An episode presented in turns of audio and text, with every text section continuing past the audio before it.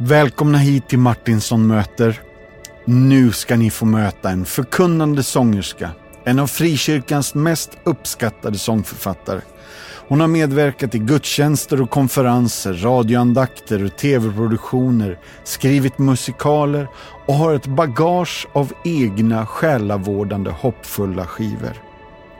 Hennes passionssalm sjungs i kyrkor över hela landet varje påsk och i somras medverkade hon på SVTs satsning med trädgårdsandakter. Hon brinner för flyktingfrågor och har jobbat hårt med något som heter konvertitutredningen. Hennes familj är faddrar till barn hos oss på Compassion och Maria är ambassadör för oss och har även varit ute i fält med oss. I dagens podd berättar hon öppenhjärtligt om Kristus, krisen och kraschen och hur man bäst sorterar böcker, barndomens underbara uppväxt nere vid vattnet på andra sidan järnvägen i Kungsängen norr om Stockholm. Mina damer och herrar, jag ger er Maria Gustin Bergström.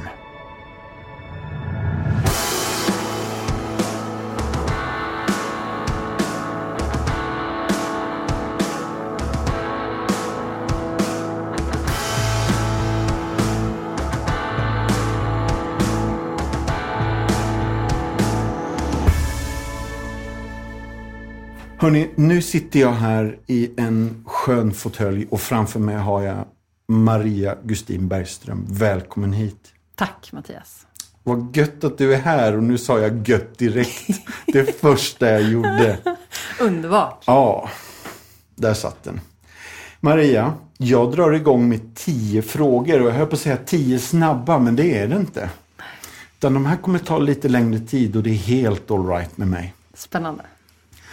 Om du kunde välja att göra vad som helst, vart som helst, ett helt dygn, vart skulle vi då hitta dig? Alltså då menar du kanske det bästa jag vet att göra eller? Eller ska det vara något nytt? Nej, nytt behöver det inte vara, utan någonting som du är superintresserad av. Du har längtat efter Taj Mahal. Ja, då är det där du är mm. kanske, eller?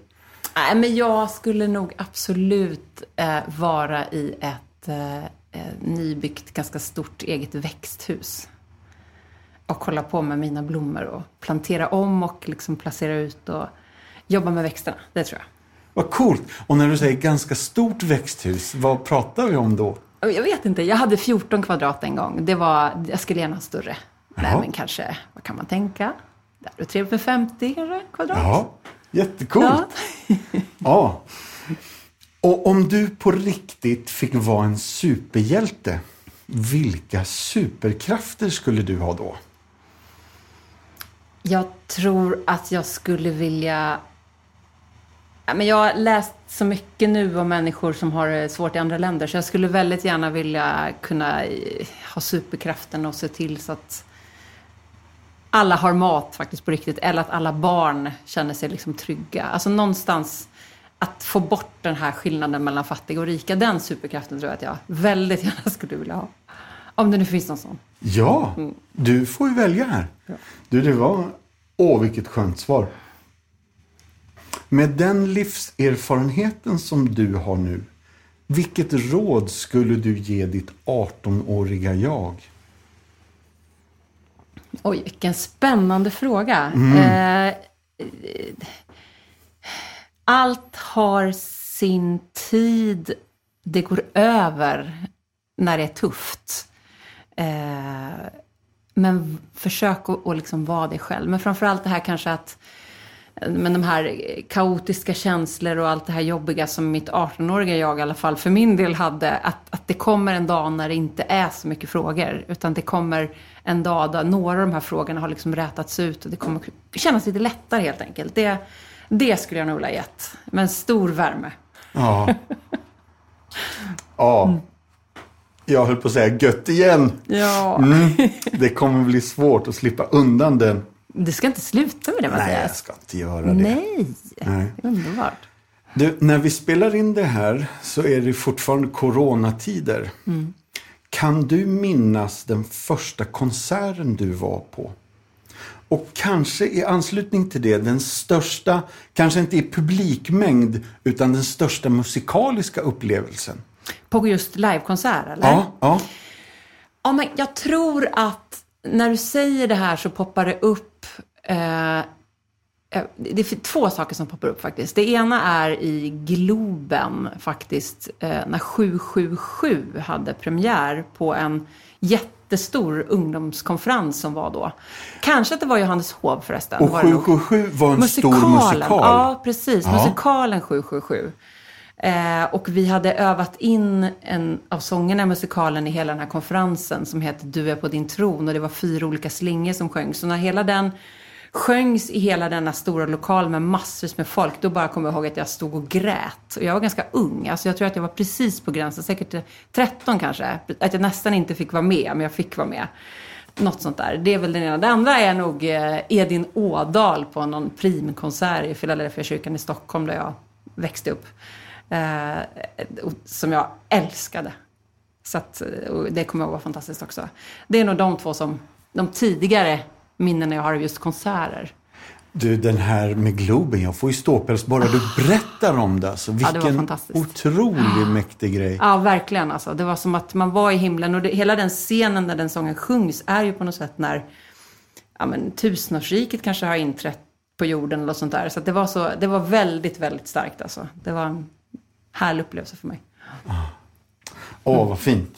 Mm. Eh, om du kunde gå med i något tidigare eller nuvarande popband, vilket band hade du valt? Och vara en del av alltså? Ja. Okej, oj. Popband. Ja. Eh, vad alltså, du kunde varit... vara en femtedel i ABBA. Så ja, det, det hade ju varit något. Jag älskade ABBA. Jag älskar ABBA fortfarande. Ja. Och det måste vara pop alltså. Oj, det var jättesvårt. Nej, det behöver inte vara pop. Kan band bara. Band bara. Band. Mm. Eh, det kanske ändå får bli ABBA, tror jag. Jag tycker jätte... Jag har alltid älskat liksom, eh, ja, men Björn och Bennys musik och, och den här liksom... Klart, är det ensemble så skulle jag nog hellre vara med i musikal. Typ Kristina från Duvemåla. Japp. Där ja. skulle jag varit med. Mm. Ja. Eller Chess. Jag har älskat musikal hela mitt liv. Men du, är det inte också så att låtarna i Chess egentligen är de sista ABBA-låtarna som inte kommer på en ABBA-platta? Absolut. För det låter ju jättemycket ABBA om det fortfarande. Ja, ja. Och vi, jag och mina syskon, vi har liksom lyssnat så otroligt mycket på de musikallåtarna så jag kan nästan i princip ställa mig upp och sjunga vilken som helst direkt av alla de här. jag lovar. ja, ja, det var bra. Ja. Ehm, nästa fråga är, nämn något ytterst märkligt som du har ätit någon gång haj, skallerorm, apa, marsvin? Oj. Jag vet inte om jag har... Jo. Eh, nu ska vi se här. Jag funderar på när jag var i Afrika om det var något eh, som jag kände väldigt tveksamhet ja. för. Men jag kommer nog inte riktigt ihåg ens vad det var. Men det var någon slags... Eh, eh, någon slags rotfrukt som man eh, kokade och som vi fick liksom, i en stor skål. Det var gott, men jag, vet, jag visste ju inte vad det var för någonting. Eh, och jag åt det, men jag minns inte att det smakade något speciellt direkt heller. Så. Men äh, jag kanske inte har eh, ätit så mycket konstiga saker. Nej men det här var ju i alla fall... Ja, ett... men lite grann ja, så. Ja. Du bad lite extra innan maten. Ja, men precis. Absolut. Ja, jag fattar. Absolut. Mm. Vad skulle bli ditt val om du i goda vänners lag har en karaoke-natt och de säger nu är det din tur Maria? Vilken låt? Jag tror att jag går tillbaka till musikaltemat. För jag lyssnade på just den här sången för några dagar sedan när jag var ute och gick. Eh, jag skulle jättegärna vilja sjunga Du måste finnas med stor orkester, gärna inspelat i bakgrunden. Ja. Tror jag. Och den här frågan, eh, jag kan förvarna redan att den här får vara en lite längre utläggning. För nu kommer den. Om du kunde dela en lång helkväll med trerätters middag och fyra individer, nu levande eller sedan länge döda. Vilka människor skulle du välja med på den middagen? Och jag kan också flika in då snabbt att du behöver inte välja din familj för de äter du ju middag med jämt. Just det, och de kan vara levande och döda. Ja, Oj, oj, oj. jättebra! Jättebra. Eh, ja, men jag skulle ju väldigt gärna vilja... Ja, men det är klart att jag skulle vilja Jesus med ibland, men han lever ju eh, och har uppstått. Ja, men det är klart att jag skulle vilja fråga honom en massa saker, eh, såklart. Sen om man tittar lite mer också åt Bibelns håll så skulle det ju vara otroligt spännande att ha med Petrus, Ja. tycker jag. Ja. Jag tycker om hans råbarkade überärlighet liksom, hela tiden. Så han är så mycket liksom, sig själv hela tiden. Sen så skulle det vara spännande med... Inte lätt fråga det här. Alltså, det finns ju så mycket roliga människor. Eh, jag skulle nog gärna vilja... Eh, skulle vara spännande att, träffa kronprinsessan Victoria faktiskt. Jag Ja. tycker hon verkar vara så sympatisk. Skulle vilja få, få liksom komma henne lite så här, se hon är, hur hon är när hon är privat. Eh, och vad kan den sista bli då för person? Moder Teresa, men då måste jag ju prata ett språk också som vi kan förstå varandra. Men Ja, men det, det kan man på den här middagen.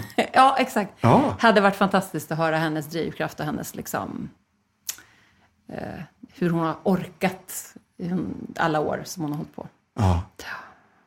Ja, det var en spännande samling människor.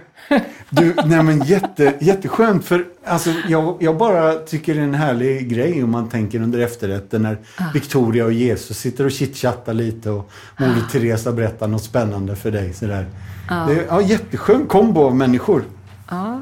Ehm, nu är vi snart klara med de här, det här var kul. Om du kunde tillbringa en, en dag i någon annans skor, vem skulle det vara och varför? Är det inte så att man eh, säger att man kanske bör ibland gå i någon annans skor som inte alls man har samma åsikt som? Eh, eller som inte är lik en själv, för då förstår man den bättre. Då kanske jag skulle välja någon som jag verkligen inte förstår.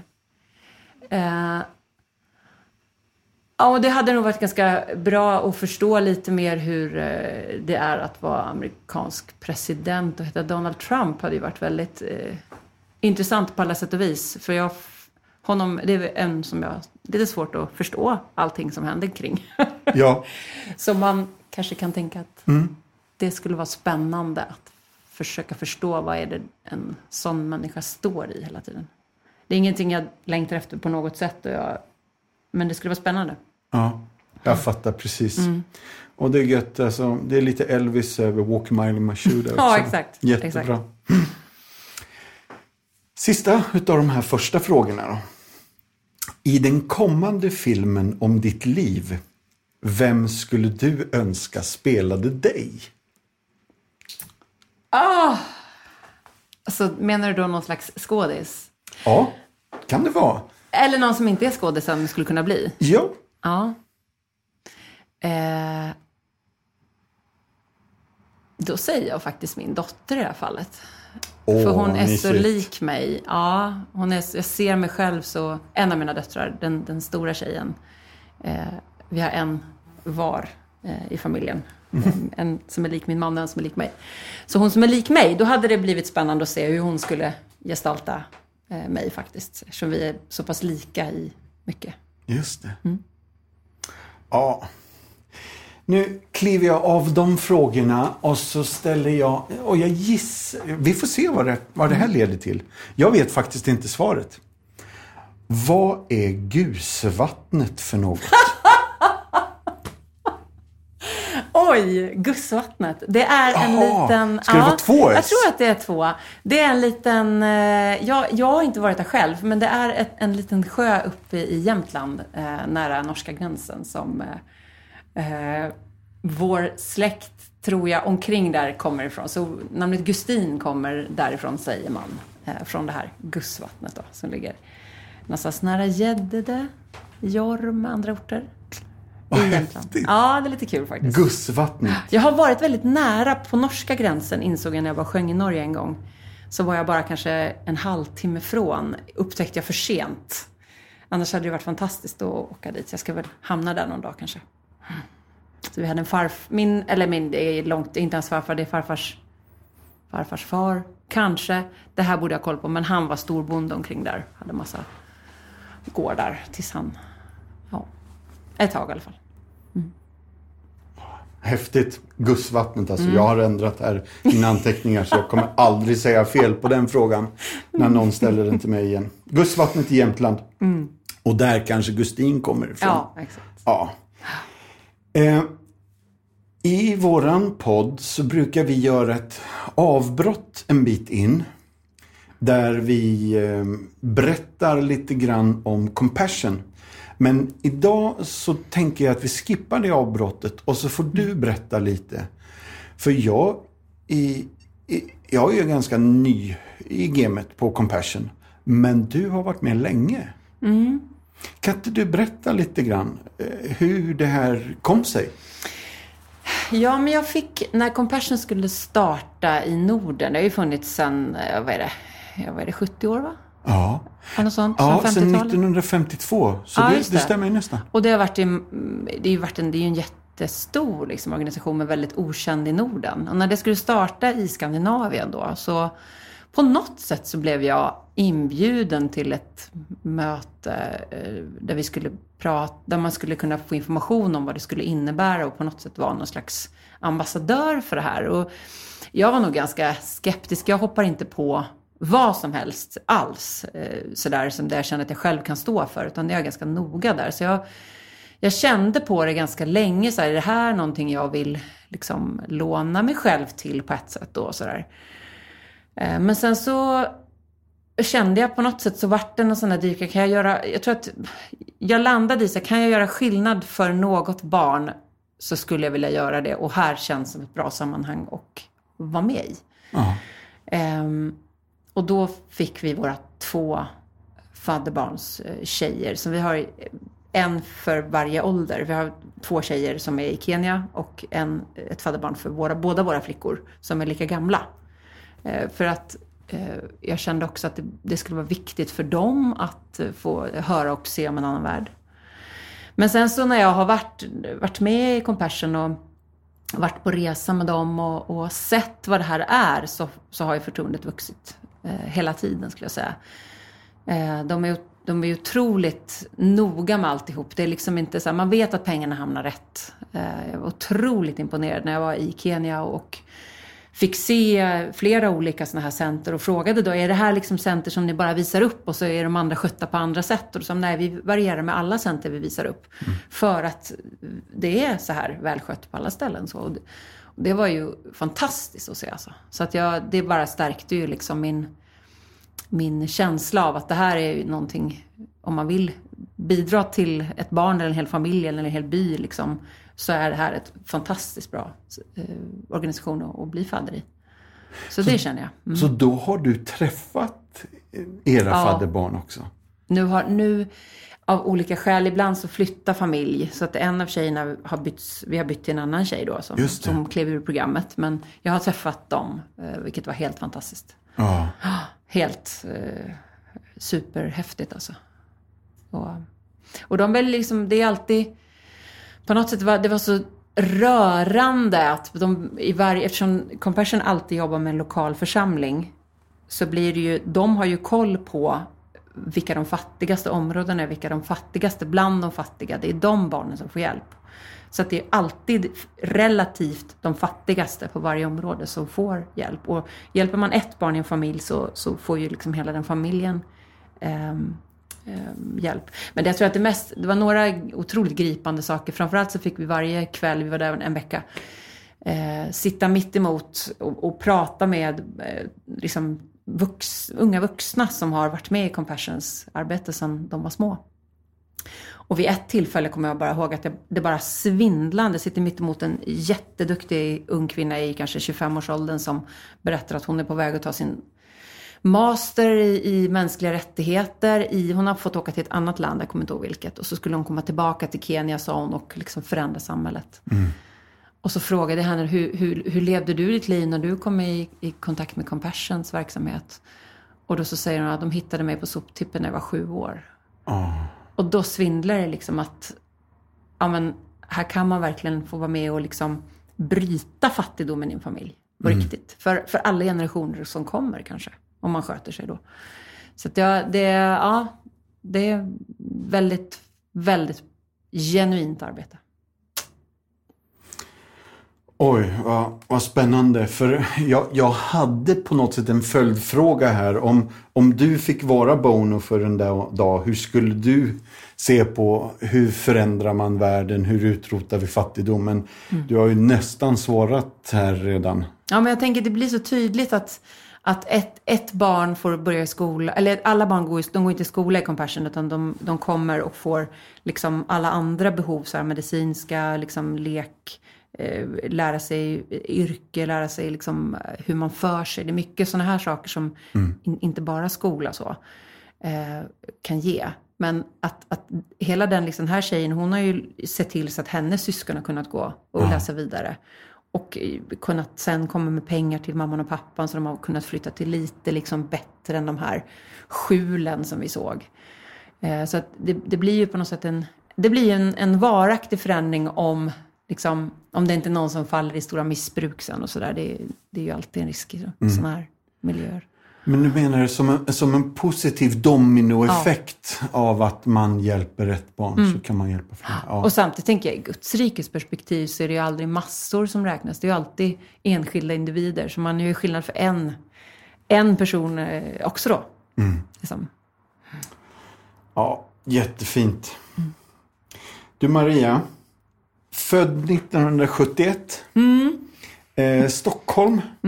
Eh, 74 till 82 bodde ni nere vid vattnet på andra sidan järnvägen. Ja, i Kungsängen. Så var det va? Ja. Idyllisk, väldigt idyllisk tid. Norr om Stockholm. Ja, Det bodde mycket barn där. ja mycket barn. Vi lekte hela tiden. Ja. Röda vita rosen, burken. Ja! Klipp och biljett Ja. hade vi en lek som vi hittade på också. Jaha, vi hittade på massa lekar. Ja, det var, det var, det var väldigt roligt. Väldigt skyddad och eh, glad barndom vill jag säga.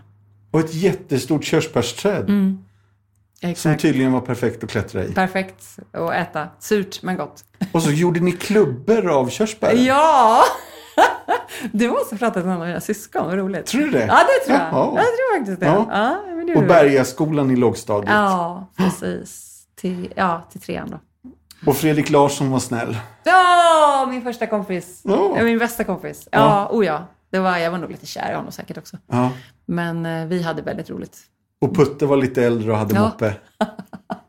Exakt. Ja, vad kul. Men du, eh, från 82 där så flyttade ni till Spånga. Ja, Ja. precis. Vad hände då? Ja, vad hände då? Vi kom lite närmare stan. Vi gick i skola inne i innerstan allihop. Jag och mina syskon, pappa jobbade inne i stan. Eh, Jag tror att det, det var nog drivkraften var pendlingen, att det var eh, väl långt mm, efter ett tag att alla pendlade in till stan. Då. Ja.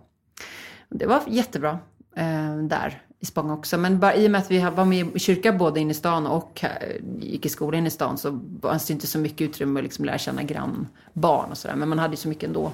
Mycket vänner på andra, andra, ställen så. ja, och här är det väl också så att här börjar du på AF. Ja, precis. Jag hade Adolf börjat Fredriks Adolf Fredrik eh, innan vi flyttade faktiskt. Ja. ja. Men, och vi gick ju där alla tre. Så, ja.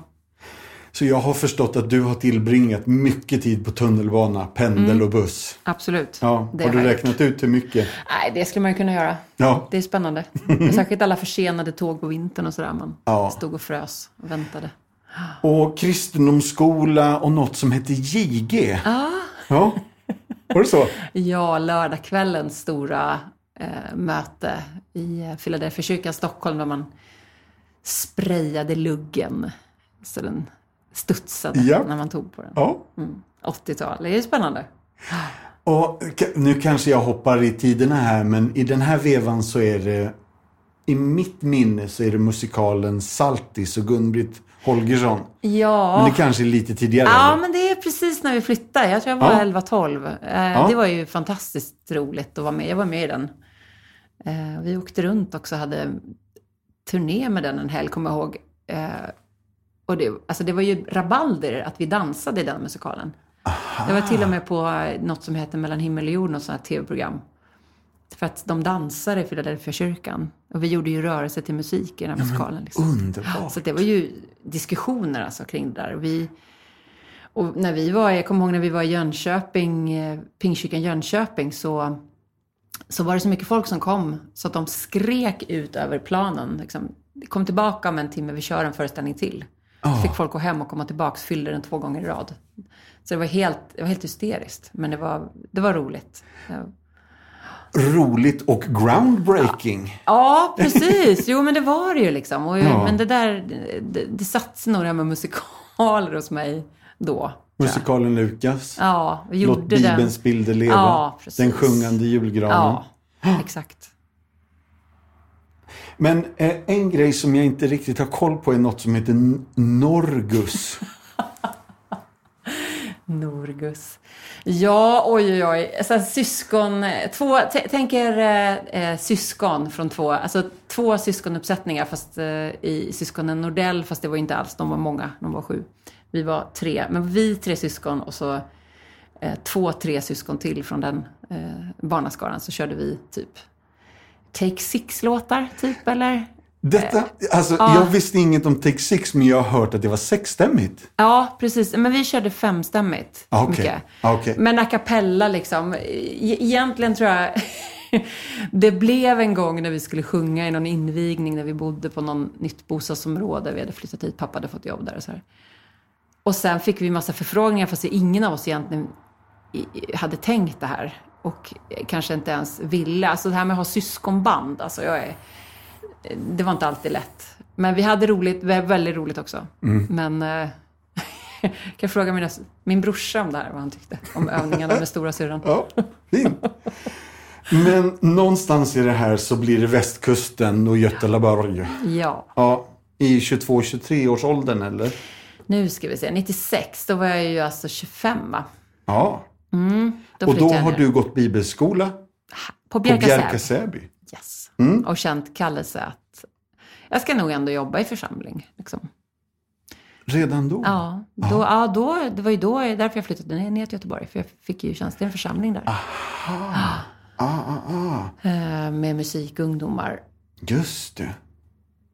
Men jag har något, något eh, alltså Chalmers eh, åren, de kom alltså senare. De kom senare, efter fyra år. och, och det här med SCA är också senare Det är alltså. också senare. Jag jobbade ju i församlingen i det som idag är Hillsong Göteborg Connect Church. Ja, Eh, gamla Gilead. Gamla Gilead jobbade jag i. Ja. En underbar församling. Mm. Eh, speciell församling. Där jobbade jag i, i inte ens ett år. Eh, och sen så var jag väldigt... Det, det, det och annat eh, gjorde att jag blev... Eh, ja, idag skulle jag säga att eh, jag gick in i väggen. Ja.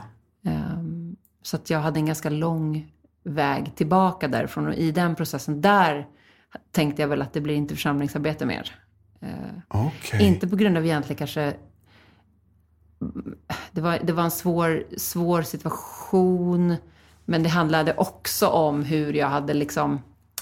Mitt, hur mitt kristna liv hade levt i att jag skulle prestera massa för att duga. Ja. Eh, jag levde liksom i någon slags funktionell kristendom, att prestera en massa saker. Och där blev liksom droppen skedde i och med den anställningen. Eh, och där kraschade jag ihop helt och eh, fick liksom på något sätt... Ja, men det vart ju en livskris och en gudskris och en... Vem är jag och vem är... Hur ska jag leva mitt liv liksom? Så att, så att Chalmers började på efter fyra år sedan. Och då hade jag liksom börjat komma upp eh, sakta igen. Då, Det tog sån tid. ja. Ja, oh ja. Det tog, eh, alltså det brukar vi säga att det tar väl minst halva tiden som det tagit att bryta ner för att komma tillbaka i alla fall. Ja. Så att eh, det var många år av, av eh, otroligt god eh, själavård som jag hittade en rätt person att prata med.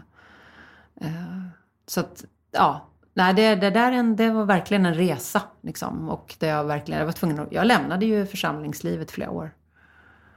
Um, men inte Gud, för det kunde jag inte. Nej. Jag hade upplevt för mycket med honom och jag var väldigt arg Ja. på honom och på mycket som hade hänt. Liksom.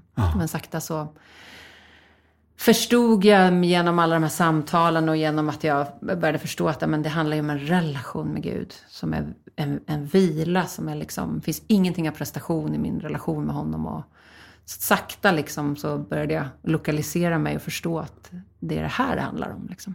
Mm. Eh, han, ja men vi har en relation, det är liksom jag ut, vi utvecklar den tillsammans. Eller på något sätt, han, han arbetar i mig och jag lär känna honom. Men det är en relation, så det handlar inte ett skit om vad jag gör. Nej. Eh, så jag är otroligt tacksam över det, såklart.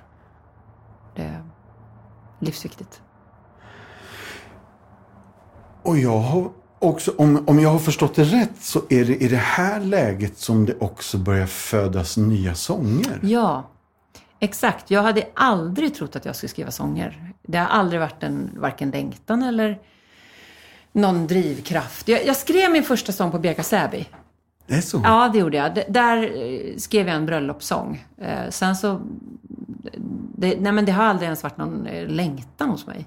Men när jag, när jag var i den här kraschen och jag var liksom på botten så började jag skriva texter och jag upptäckte förresten att jag var livrädd för att när jag skulle falla ner på botten av mitt liv så var jag livrädd för att Gud skulle hitta mig där på något sätt. Eller att jag skulle skämmas så mycket att nu ligger jag här. Och jag kommer ihåg att jag skrev en text om det. När jag låg där på botten så insåg jag att han var min botten. Mm. Liksom.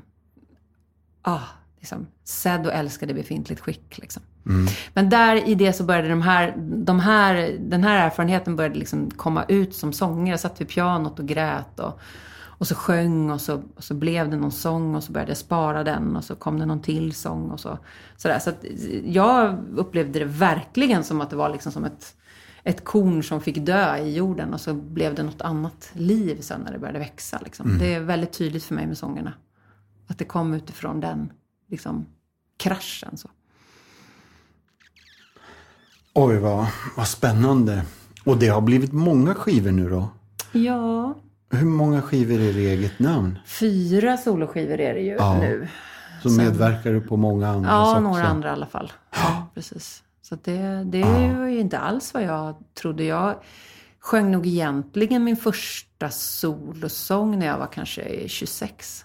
Ja. Jag har inte alls sjungit mycket själv. Mest i grupper, så med syskon och mindre grupper och så. Men jag trodde inte att jag skulle sjunga själv liksom. Så, alls. Det, så, allt det där blev efter den här eh, liksom, kraschen. Kraschen. Mm. ja. Så kraschen i sig, eh, eh, eh, inte kraschen i sig, men vad heter Kraschen födde en kreativitet Ja, oh ja.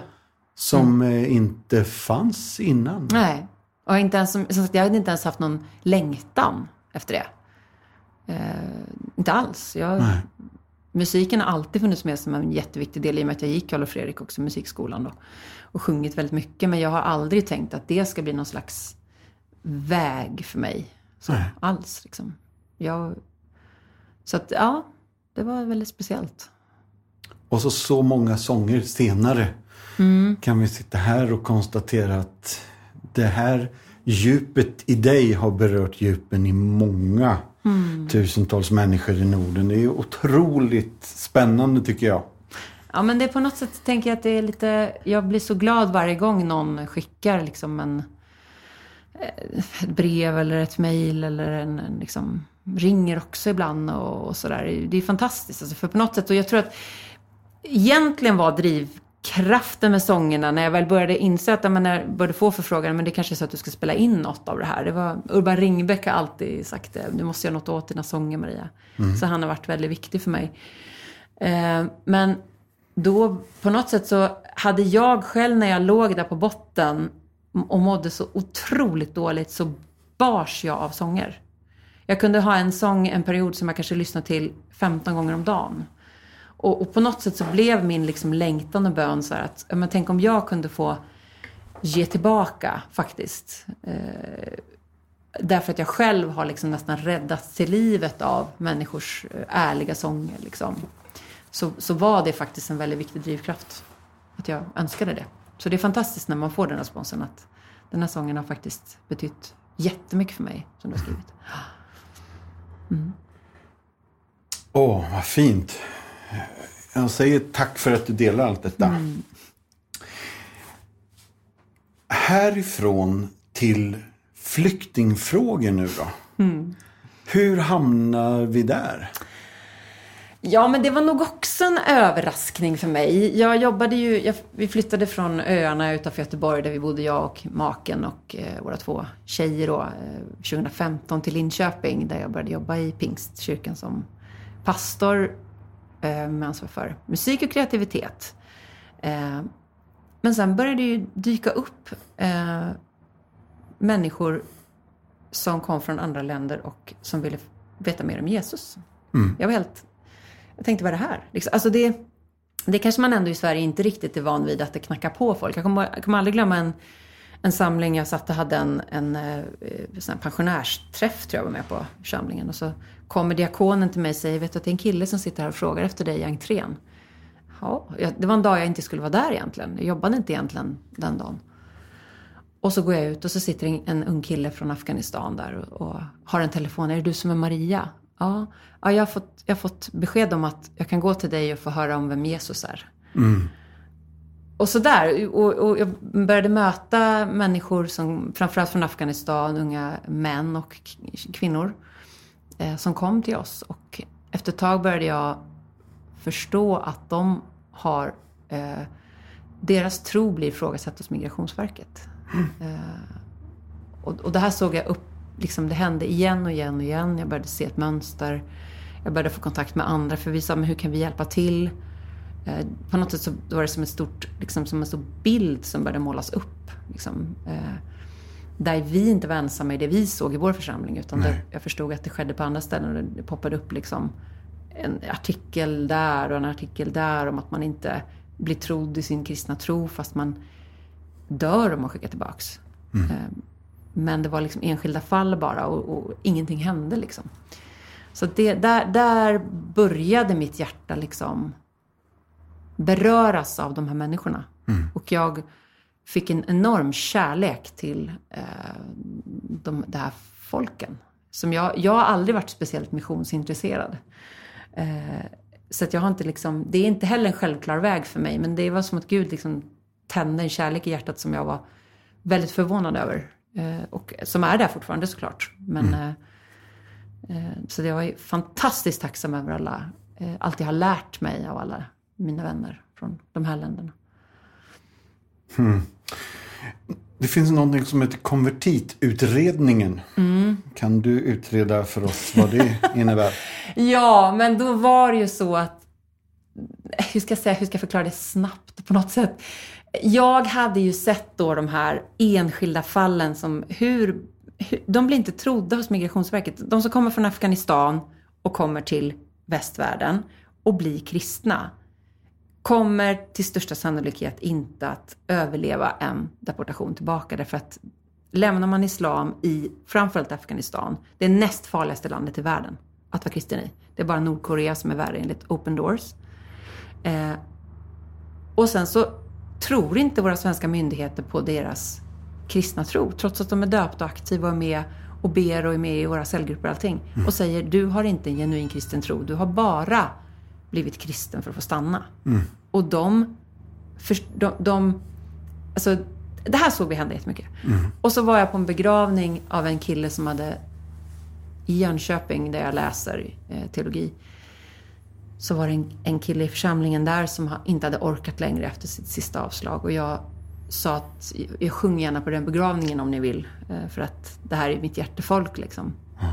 När jag stod där på begravningen och såg alla de här tusen människorna från massa olika länder, mycket området kring Afghanistan, Pakistan. Så kände jag så här, gode gud, det här får inte hända igen. Vi kan inte låta människor inte orka längre för att de riskerar livet när de skickas tillbaka. Mm. Och då tog jag tag i en tanke jag hade haft att vi behöver visa på systematik. Alltså, vi kan inte bara säga ett fall där, ett fall där, utan vi måste titta, finns det ett mönster här? Mm. Så att vi kanske kan försöka få till en förändring. Och där och då bestämde jag mig, jag ska titta på det här. För att jag har jobbat med det som heter kvantitativa och kvalitativa metoder i mitt yrkesliv i 15 år. Så att jag visste precis som man skulle kunna lägga upp en studie som var liksom statistiskt korrekt. Och det, någonstans var det lite roligt. För mig personligen var det som att Gud liksom la ihop hela min civilingenjörsbakgrund med mitt hjärta för flyktingar och att jag kunde få tjäna honom för första gången. Möttes de världarna. Så det var mm. häftigt. Men, så det blev egentligen en, det blev ju till slut fem samfund som var med. Och en, en ehm, eh, vi är sex författare till denna eh, utredning. Och vi var och presenterade den för riksdagen, eh, socialförsäkringsutskottet. Eh, den eh, finns ju med i, det jag senast såg nu är att den finns med i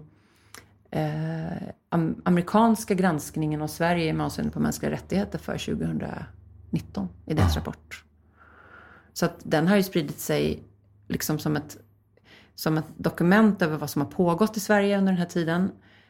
Men också så hoppas vi att det ändå har blivit liksom en, en, ökad medvetenhet och att det kanske ändå är några som har fått stanna på grund av det vi har gjort. Men vi har inte sett några, jag är besviken över att det inte har blivit någon större förändring. Mm. Men jag tror inte vi har sett sista, liksom, eh, sista ordet inte sagt än. Ja, bra. Tack för all det här arbetet. Oerhört angeläget och oerhört viktigt i den tid vi lever i nu. Mm. Verkligen. Um, jag switchar spår lite grann och måste fråga. Det har gått andakter på SVT mm. i sommar. Mm. Eh, trädgårdsprogram. ja. Kan inte du bara, Niklas Hallman och du har lett detta? Ja. Mm. Nej men eh, det var ju en fantastisk eh, möjlighet. Jag, det var ganska, vad ska jag säga, egentligen hade inte jag haft eh, möjlighet att säga ja till det om inte corona hade blivit. Eh, mm.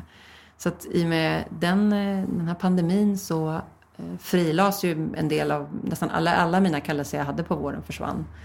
Och sen så fick jag den här frågan. Och det var ganska, vi jobbade fram det ganska snabbt. Det blev ganska ja, lite tablåändring också, lite på grund av covid-19. Mm. Så vi, eh, vi känner, vi, ja vad ska jag säga? Vi drevs fram av en, en stor glädje när vi både förberedde och gjorde de här programmen. Mm. Eh, som var fantastiskt roligt. Och jag fick kombinera ett, ett jättestort trädgårdsintresse eh, som jag har med eh, Gud och mm. Jesus. Och eh, möta människor. Och så var vi i en fantastisk miljö och så var det ju otroligt kul att göra det här ihop med Niklas. Han är, vi hade helt enkelt fruktansvärt kul ihop. Ja. Så, så jag är jätteglad att vi har fått göra det. Jag har fått väldigt mycket fin respons eh, från särskilt många som kanske inte kunde komma ut i naturen på samma sätt som de brukar ja, av sig och sagt de var otroligt glada. Ja, mm. det förstår jag verkligen. Du, har du en patent? Och om svaret är ja, på vad då? Ah, jag har några, ja. Har du några? Ja. I plural? Jag tror att det är tolv. Har du tolv patent, ja. Maria? jag brukar inte prata om dem. Gör du inte det? Nu är det dags. Ja. Nej, men det är Vi ju breakar inom... i Martin som möter. Jag måste lägga en bakgrund. Jag har jobbat, jag har jobbat som produktutvecklare med mm. tidig utveckling på två stora eh, multinationella företag i typ mer än ja, nära 15 år. Och jobbar man med tidig utveckling eh, som jag gör och eh, har kanske också en förmåga att tänka utanför boxen så blir det så här när man har det som ett yrke, tänker jag. Eh, Ja, men det är inom inkontinensskydd framför allt. Och ja. professionella plåster för eh, bensår och operationsärr eller operationssår och sånt. Där har jag mina patent. Just. Som inte jag äger, de äger ju företagen, men jag står ja. som uppfinnare. Ja. ja. Och nu kommer en fråga från en helt annan låda. Sorterar du dina böcker om svaret är ja? Hur många är gröna? Oj, ja, jag sorterar efter färg i vårt bibliotek. Är det så? Ja, det är så. Jag kommer bättre ihåg färg, tror jag. Jag, jag, jag får faktiskt stå och tänka, vad är det för färg på boken när jag ska hitta den? Nej, men det är ganska mycket gröna böcker. Eh, trädgårdsböcker är ju oftast gröna eller blå har jag märkt. Ja, Ja. då Deckare är förstår ofta jag. Svarta och sen så har vi Ja. ehm, hemredning ganska ofta vita. Ja, det har varit lite kul där faktiskt. Så de är i färgskala, så kommer man Ja. in i ditt vardagsrum så är det en Ja, regnbåge. vi har faktiskt ett litet bibliotek i ett speciellt ställe. Ja. Ja, nej men då är det, det, det... Nu måste jag säga att jag kanske behöver... Efter ett tag så kanske det ballar ur lite, måste jag säga. Men jag, vi, har allt, vi har haft det så, alltid. Det är jättefint. Jag tycker om böcker. Jättehäftigt. Mm. Klart man ska tycka om böcker. Ja. Jag måste då ställa en märklig fråga och den här vet jag heller inte svaret på överhuvudtaget. Hur delade du på YouTube? Oj, oj, oj. Jag vet inte ens Ja. vad det är jag frågar. Nej, nej, men vad roligt. Nej, men så här var det. Jag och min gode vän Ola var och gick i Göteborg eh, en kväll. Eh, och på, utanför Sheraton så, i Göteborg så står det ett gäng personer på cykelbanan. Och jag kommer ju med min cykel. Och vi går liksom där. Och jag, så här, lite så här som man gör när man är lite irriterad. Ni står i vägen. Klingar på min cykel. Och de skaran människor rycker till och delar på sig. Eh, och när vi passerar dem efter ett tag så tittar jag och Ola på varandra och så säger men var inte det där Bone? och det var det. Så vi, det var liksom U2 som stod där. De hade haft konsert dagen innan på Ullevi. Ja. Kom vi på sen, just det, det var de ju. Där var inte vi. Eh, Men eh, så att så var det. Så att ja, nej men det var nog det närmsta jag har kommit en sån typ av eh, grupp. Jag kanske borde ha sagt i början att jag skulle varit med i U2 då.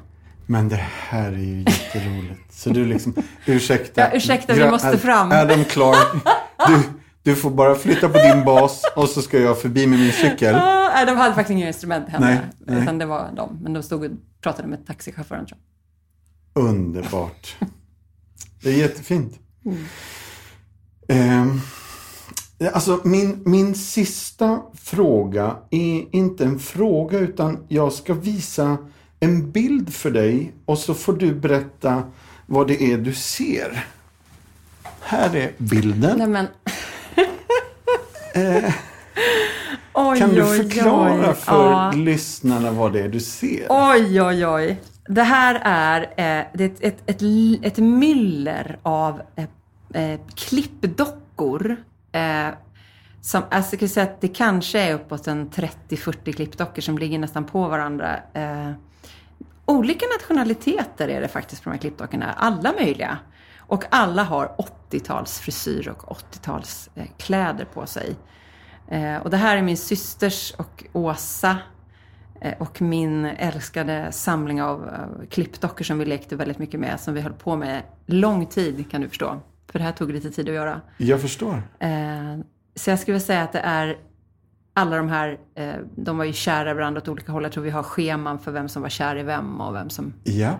det var liksom väldigt förstått detta. speciellt det här. Eh, Så det är helt enkelt en bild på de här, en väldigt färgglad eh, samling av klippdockor från 80-talet som nästan är någon slags tidsmaskin, ska jag vilja säga. Ja.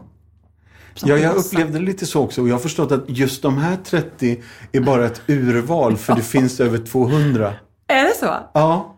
I Är det en, så i en många? skollåda någonstans i hos Stockholm. Åsa är de nu. Så kan det vara. De är väl eh, undanplockade och fantastiska att titta på. det var ju innan man hade massa dataspel, när man hade annat för sig. Det var väldigt, väldigt roligt.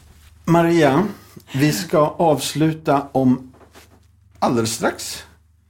Är det något mer du tycker att nej men det här blev ju inte sagt och det måste vi prata om. Det kommer vi säkert komma på hit och dit men det är min fråga. Är det någonting du skulle vilja skicka med?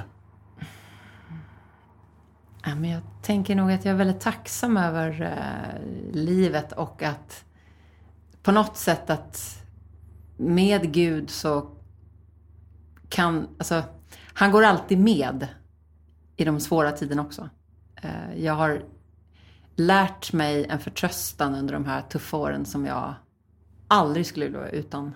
Eh, och att, att gå med honom aldrig blir tråkigt utan väldigt spännande. Och man kan göra lite olika saker. Det är väl mitt liv ett väldigt tydligt exempel på. Man kan ha lite olika tider där olika saker får träda fram men att det handlar ändå om hela tiden att allt jag gör lever jag inför honom och tjänar honom på det sätt jag kan med olika typer av verktyg. Att man inte behöver vara så kanske snäv i att tänka att nu ska jag bara göra det här och jag ska vara sån. Utan låt Gud fortsätta liksom överrumpla och överraska.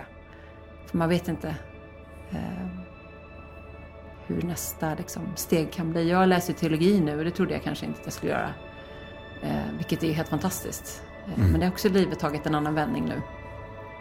Och att tillåta sig själv att göra det tror jag är bra. Det är Jättehäftigt. Åh, vad fint. Du, tack för allt det du har delat här idag och tack för att du ville komma till Martinsson möter. Tack själv, Mattias. Tack alla för att ni har lyssnat. Om det fanns intressanta detaljer i podden som du vill kolla upp, till exempel referenser till sånger, böcker, filmer. Alla de grejerna finns helt enkelt på compassion.se.